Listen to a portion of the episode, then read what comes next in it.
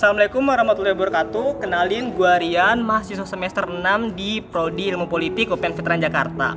Kali ini gue sebagai moderator di podcast gue yang sebenarnya tujuannya buat salah satu tugas mata kuliah yaitu uh, Critical Creative Thinking yang ngebahas tentang dinasti politik Ratu Atut. Nah di sini gue ngebawa teman kelompok gue sebagai narasumber yaitu ada Farid sama Rifki. Boleh kenalin dulu? Ya halo, uh, gue Farid temennya Rian mahasiswa ilmu politik semester 6 juga Oke, gue Rifki. Terima kasih Rian atas undangannya nih di kegiatan podcast kali ini. Uh, gue juga sebetulnya kebetulan teman kuliahnya juga. Uh, dan kali ini kita bakal bahas apa nih Rian ya kayak ya mungkin sebatas sekaligus diskusi juga kayaknya. Ya, oke gue serahkan ke Rian lagi. Silahkan Rian. Iya. oke uh, di sini kita bakal ngebahas tentang dinasti politik sebenarnya sih yang sebenarnya dulu sempat marak. Kalian sempat dengar nggak sih uh, dinasti politik Ratu Atut yang di Banten? Sebenarnya itu uh, dulu kenapa bisa marak karena dia bisa uh, ngajak keluarganya, ngajak sanak saudaranya supaya bisa masuk ke dalam parlemen pemerintahan dan sampai uh, selama dua periodenya dia menggunakan kekuasaan ayahnya sendiri yang dulu memang sebagai orang kuat di daerah Banten yang punya juga koneksi dengan uh, Partai Golkar pada saat Orde Baru. Makanya mengapa Ratu Atut bisa berkuasa sangat di daerah Banten itu karena banyak koneksi-koneksi yang ia terima dari uh, keluarganya terutama bapaknya yang memperluas jangkauan kekuasaannya di daerah Banten. Nah, boleh nih ceritain nih gimana sih latar belakang kok bisa sih Ratu Atut itu bisa berkuasa dan melebarkan sayap-sayapnya dengan keluarga-keluarganya yang masuk ke jajaran parlemen-parlemen di DPR itu. Oke, okay, uh, eh, mungkin kalau ini gue ngebahas dari kacamata gue aja ya. Ya, kalau kita sebagai mahasiswa politik pasti udah nggak asing lagi dong dengan yang namanya Ratu Atut Khosiah. Ya, dia ini kan terkenal dengan gaya pemerintahannya yang kita kenal dengan sistemnya yang oligarki gitu di tengah-tengah uh, demok negara demokrasi ini. Ya sebenarnya latar belakangnya itu mungkin kita lihat dari awal itu kekuasaan yang dimiliki oleh ayahnya itu sebenarnya. Nah hingga uh, melebar ke sanak saudaranya. Ratu Artut ini kan uh, pada mulanya itu berkekuas eh maksudnya kekuasaannya itu di Banten ya. Nah dia ini memiliki pola oligarki di dipengaruhi oleh dinasti politik yang meliputi beberapa wilayah gitu. Seperti contohnya di Pandeglang, Serang, Tangerang Selatan. Bahkan pengaruh kekuasaannya itu hingga ke bangku legislatif di DPD dan DPRD Kota Banten seperti itu. Nah, e, untuk lebih lanjutnya lagi, karena dia ini memiliki kekuasaan penuh di wilayah tersebut, hingga e, bahkan menantu-menantunya sendiri pun memiliki bangku kekuasaan yang tak kalah penting gitu di bangku pemerintahan wilayah tersebut seperti itu sih. Jadi kalau kita tarik kesimpulannya sendiri, Ratu Atut ini uh, mungkin bisa dibilang sebagai buntut awal oligarki kekuasaan di kota Banten seperti itu. Iya nih keren juga nih uh, yang bisa gue tarik dari omongan Rifki tuh sebenarnya memang uh, bapaknya dulu yang kuat banget di daerah Banten sehingga dia menurunkan anaknya dengan sebuah kekuasaan atau sebuah uh, tempat yang spesial di daerah Banten sehingga Ratu Atu tuh mudah sekali untuk melebarkan kekuasaannya gitu kan. Entah itu uh, dari adiknya atau sanak saudaranya yang melebarkan sayapnya juga entah di salah satu uh, eksekutif maupun di legislatifnya. Nah, uh, pengen nanya nih, katanya Rizky udah ngomong ke Farid deh. Sebelumnya uh, apa aja sih yang dilakukan Ratu Atut pada masa pemerintahannya? Kok uh, dia bisa gitu uh, mengajak saudara-saudaranya supaya bisa ikut ke dalam pemerintahan sehingga kekuasaan keluarga, kekuasaan di keluarganya tuh bisa sangat uh, kuat gitu di Banten ini. Jadi apa aja sih yang dilakukan Ratu Atut tuh pada masa pemerintahannya? Boleh Farid dijawab? Ya jadi kalau dari Ratu Atutnya sendiri itu dia dalam pemerintahannya itu lebih kepada abuse of power yang di mana dia lebih banyak penyalahgunaan dalam kekuasaannya.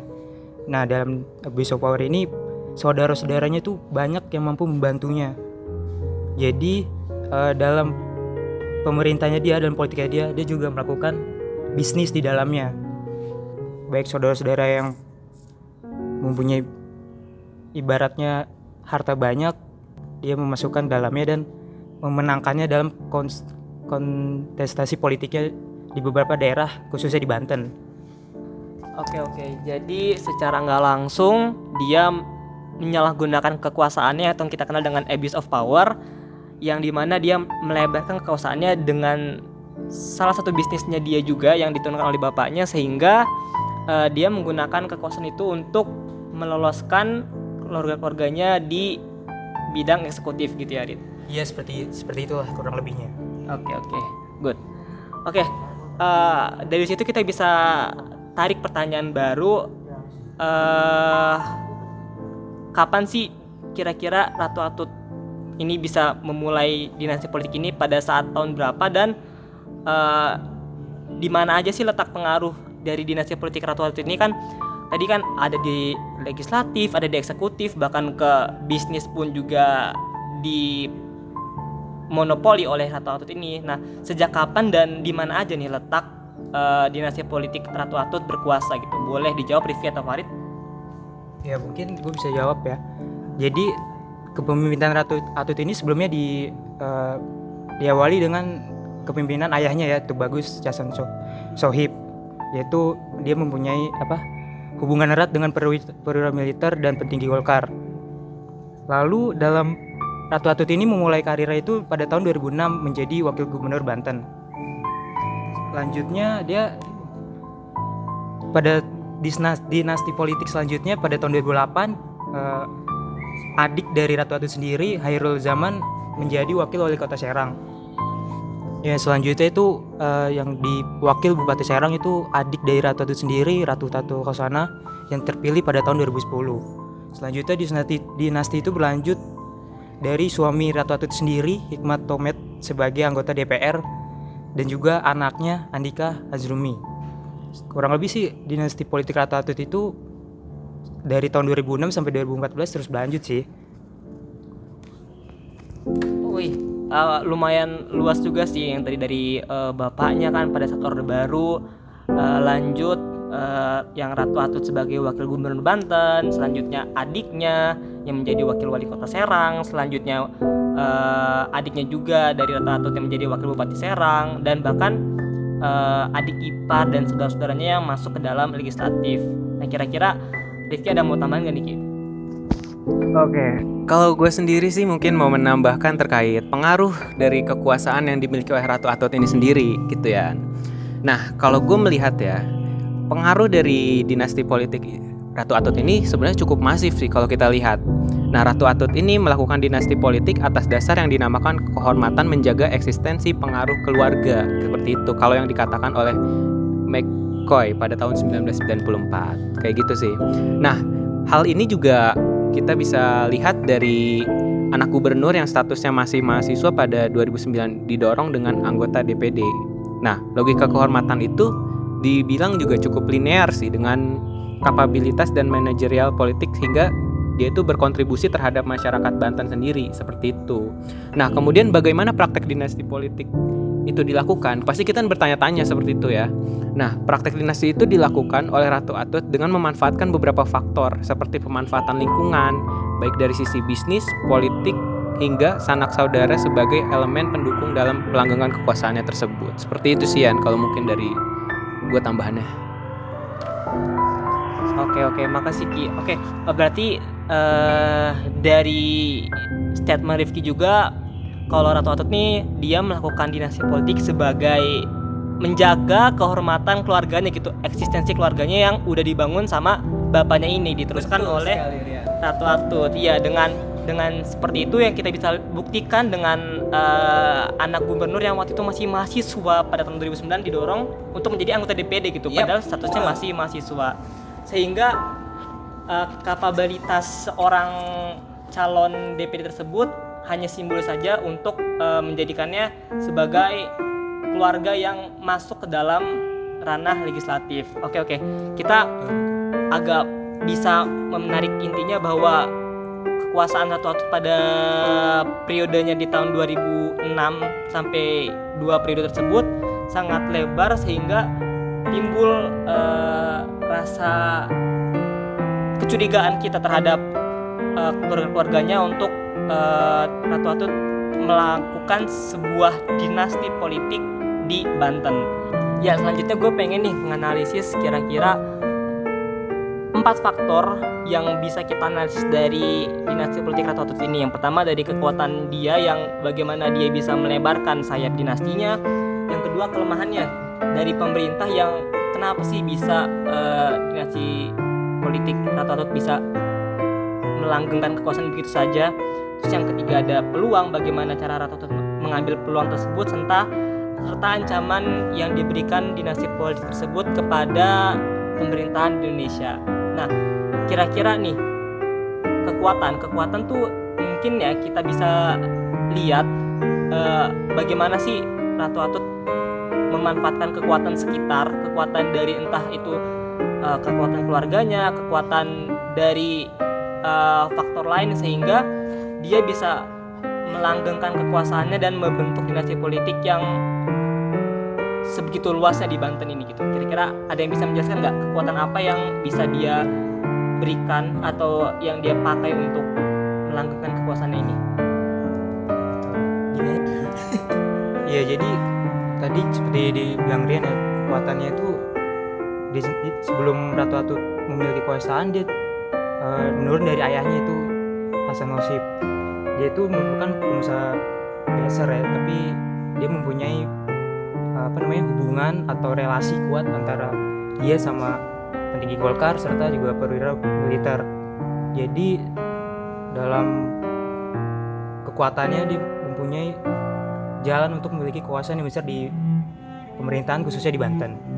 Ya sebenarnya cukup menarik sih ya kalau misal kita bahas terkait dari segi kekuatannya itu. Kita bisa melihat bahwasannya dari uh, apa namanya pentingnya istilah relasi kekuasaan itu memang mempengaruhi uh, seberapa besar uh, peluang seseorang untuk mendapatkan mandat di tengah-tengah masyarakat seperti itu mungkin. Dan juga uh, mungkin ini menjadi uh, status sosial seseorang. Seperti dia ini kan kita kenal merupakan seorang background pengusaha. Ini mendapatkan eh, apa isu kepercayaan dari masyarakat yang tinggi seperti itu Ya betul betul betul.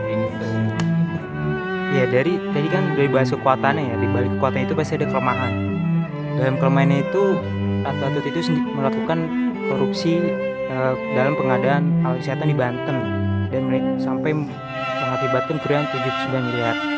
Awal mula dia ditangkap itu eh, dalam pemerintahannya itu awalnya KPK itu melakukan istilahnya sidak ya untuk sejumlah kepala daerah di Banten dan dia tertangkap dan di- divonis sebe- eh, apa 5 sampai 6 tahun bulan dan didenda 250 juta. Subsidiary itu sampai 3 bulan kurungan. Iya mungkin kalau misalnya kita lihat dari kasus kayak gini ya Rin kita bisa lihat bahwa ya memang tabiat manusia itu kadang suka lupa gitu kalau udah di atas memang tidak puas gitu Jangan pernah puas. Ah, seperti itu.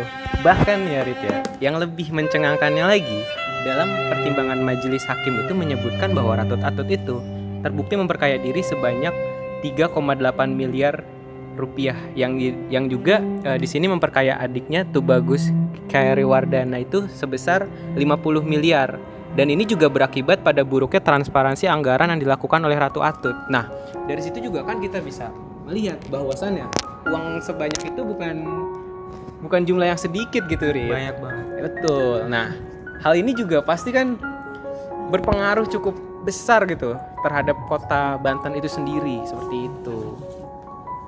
Ya, mungkin kalau dari kita berdua sih gitu ya, ya. Boleh. Oke, tadi agak menarik sih eh, bagian kalian menjelaskan tentang eh, KPK menangkap Ratu Atut eh, dan dia didenda sebanyak 250 juta dengan eh, vonis 5 tahun 6 bulan penjara. Tetapi ini agak agak tidak adil ya. Sedangkan dia sudah memperkaya dirinya sebanyak sampai miliaran bahkan dia memperkaya adiknya sampai 50 miliar. Nah, itu. menurut kalian tuh kira-kira se- sepantasnya nggak sih dia mendapatkan hanya denda 250 juta dengan kurungan lima tahun sedangkan dia memperkaya sampai miliaran rupiah. Nah, menurut kalian itu gimana?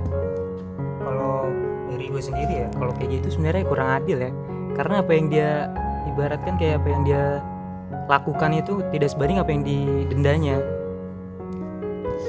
Ya, mungkin kalau kita ngelihat sih memang pastinya orang-orang merasa hal ini cukup meresahkan ya.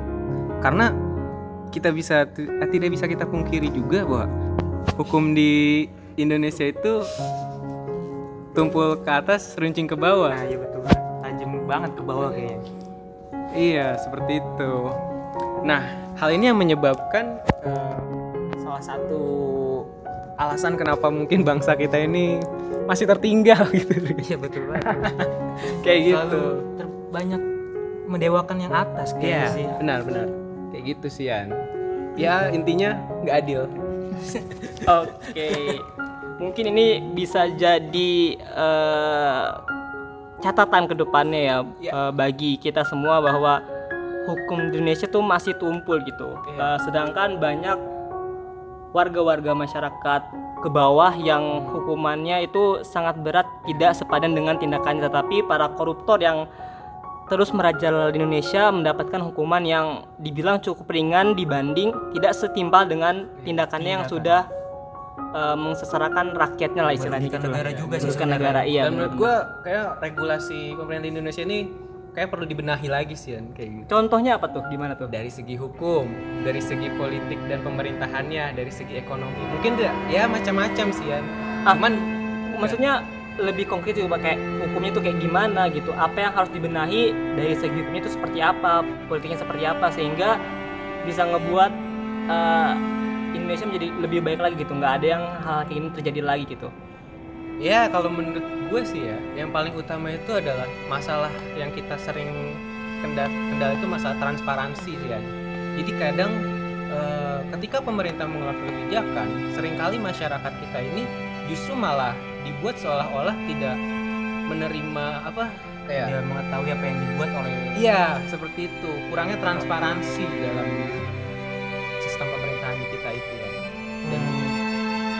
menurut gue itu yang perlu utamanya yang perlu diperbaiki.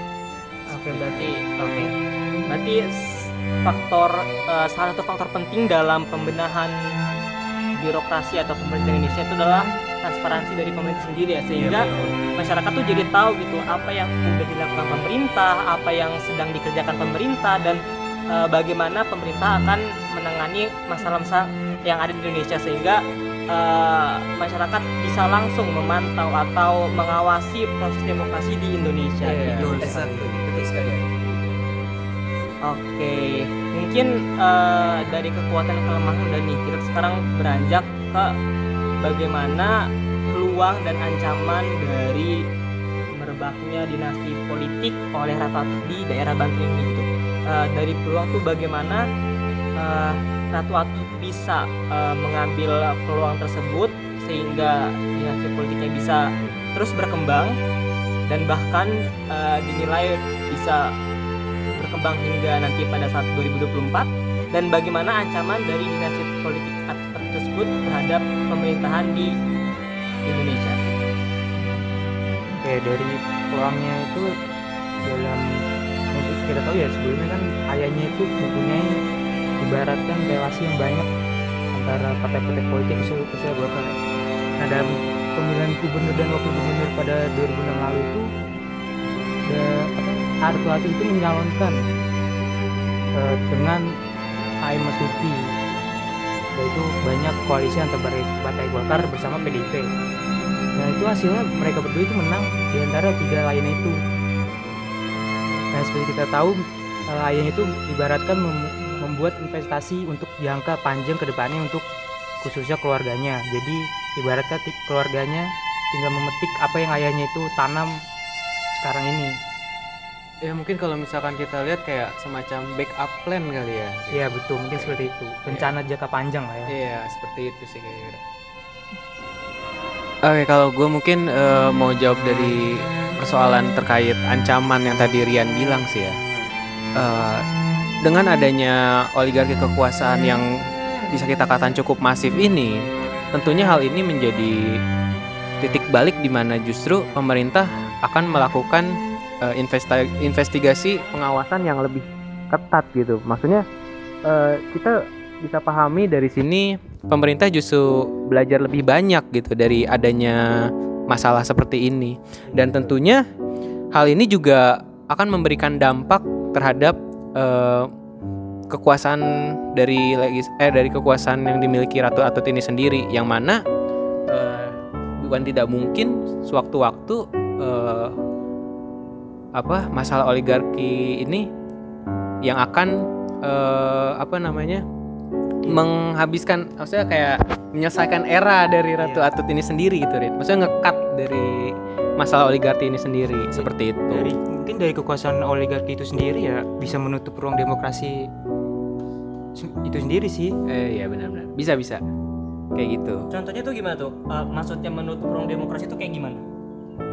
Mungkin tidak adanya kan demokrasi itu dari rakyat tuh rakyat ya. Hmm. Mungkin ini kan kekuasaan dia semua dia semua nggak ada orang lain yang masuk jadi ibaratkan bisnis keluarga gitulah Iya kalau gue sih melihat bahwasannya oligarki ini seperti dua mata pisau ya kayak hal ini bisa dipandang baik ataupun buruk tergantung dari bagaimana si pemangku kekuasaan ini menjalankan uh, kekuasaannya itu sendiri kayak gitu.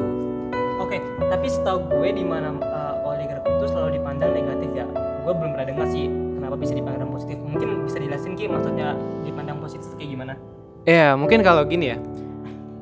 Uh, kalau dari positifnya ini yang gue maknai di sini adalah apabila uh, pemangku kekuasaan ini menjalankan pemerintahan sebaik-baik mungkin gitu, tidak dengan cara uh, seperti yang dilakukan oleh apa namanya uh, dinasti Ratu Atut, Ratu Atut ini sendiri seperti melakukan tindak korupsi seperti itu. Nah, kalau gue rasa ya, kalau apabila dilakukan dengan cara yang jujur dan dengan kinerja yang baik, ya menurut gue nggak masalah sih sebenarnya karena kita ini kan menganut negara yang demokrasi seperti itu siapa pun memiliki hak untuk jadi memilih dan ya, memilih. betul. Seperti itu sih. Hanya saja sayangnya ya kita tahu oligarki ini masalahnya selalu berujung pada uh, bermuara pada masalah-masalah yang kita tahu sendiri. Seperti itu ya Rit ya? Iya, kayak masalah ya, korupsi kolusi. dan masyarakat sipil itu juga nggak punya ruang untuk masuk ke dalam nah, sistem pemerintah atau sistem iya. birokrasinya sendiri. Bahkan yang lebih kacaunya lagi justru seseorang yang mungkin bisa kita bilang tidak kompeten dalam satu hal dalam pemerintahan itu sendiri justru malah memiliki bangku parlemen di dalamnya seperti iya, itu ya Rito. Ya? Iya, kayak gitu sih maksudnya. Oke, tapi yang gue tangkap sih dari pendapat kalian berdua tuh agak bersinggungan sedikit ya, di mana Farid bilang kalau oligarki, oligarki itu menutup pintu demokrasi. Gue nangkap sebenarnya kayak uh, dia menutup orang-orang untuk bisa terlibat andil dalam sebuah pemerintahan istilahnya gitu kan karena udah diisi sama keluarga keluarganya. Tapi di satu sisi Rifki bilang uh, oligarki itu baik kalau misalnya keluarganya itu juga bisa bekerja dengan baik gitu kan. Istilahnya uh, dia bisa menggunakan uh, privilege keluarganya tapi juga harus memanfaatkan itu dengan sebaik mungkin dan bekerja sebaik mungkin gitu kan. Nah bisa nggak sih kasih tahu ke para pendengar gitu uh, statement yang kontradiktif antara kalian berdua ini tuh bisa sejalan lagi gitu? Karena di satu sisi uh, oligarki uh, menutup demokrasi tapi di satu sisi oligarki, oligarki itu uh, bisa dipakai karena keluarga pun merupakan masyarakat sipil yang harus bisa dipilih juga sama masyarakat. Nah itu gimana tuh maksudnya? Ya kalau gue sih mungkin nggak apa ya jawab singkatnya sih kalau gue sih mungkin kembali kepada kepercayaan masyarakat kembali sih ya kayak gitu jadi istilah trust issue. Bagaimana masyarakat bisa menilai sendiri apa yang dilakukan oleh apa namanya pemangku kekuasaan itu? Apabila mungkin mereka melihat kinerjanya dengan baik ya bukan tidak mungkin kan uh, oligarki ini bisa terus berlanjut. Dan apabila mungkin masyarakat melihat ini hal yang negatif mungkin uh, tidak sesuai dengan apa yang diinginkan masyarakat dan masyarakat juga tentunya tidak akan uh, mengusung dia kembali seperti itu. Oh berarti gue tadi kesimpulan antara statement kalian yang tadi mungkin sempat gue pikir itu kontradiktif mungkin kayak gini kali ya. Uh, sebenarnya uh, keluarga dalam mengusung dirinya sendiri untuk masuk ke dalam pemerintahan itu nggak apa-apa asal melalui cara-cara yang sewajarnya cara-cara yang eh, ya yang yang yang legal lah istilahnya Iya betul.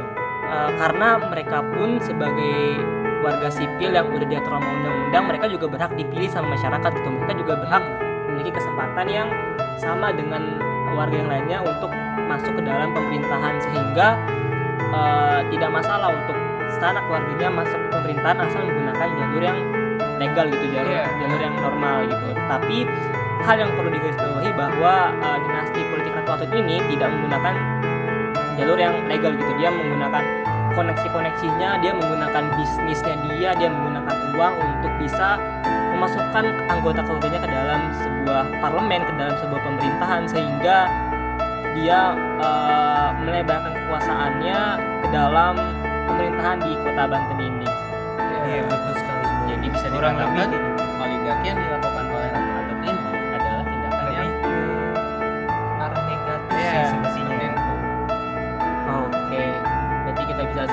simpulkan bahwa nyatanya eh, dinasti politik Ratu Atut ini sangat berkuasa dulunya gitu kan. Iya, iya. Sebelum dia ditangkap eh, oleh KPK, dia sangat berkuasa. Dia memiliki bisnis juga di Banten yang diturunkan oleh ayahnya.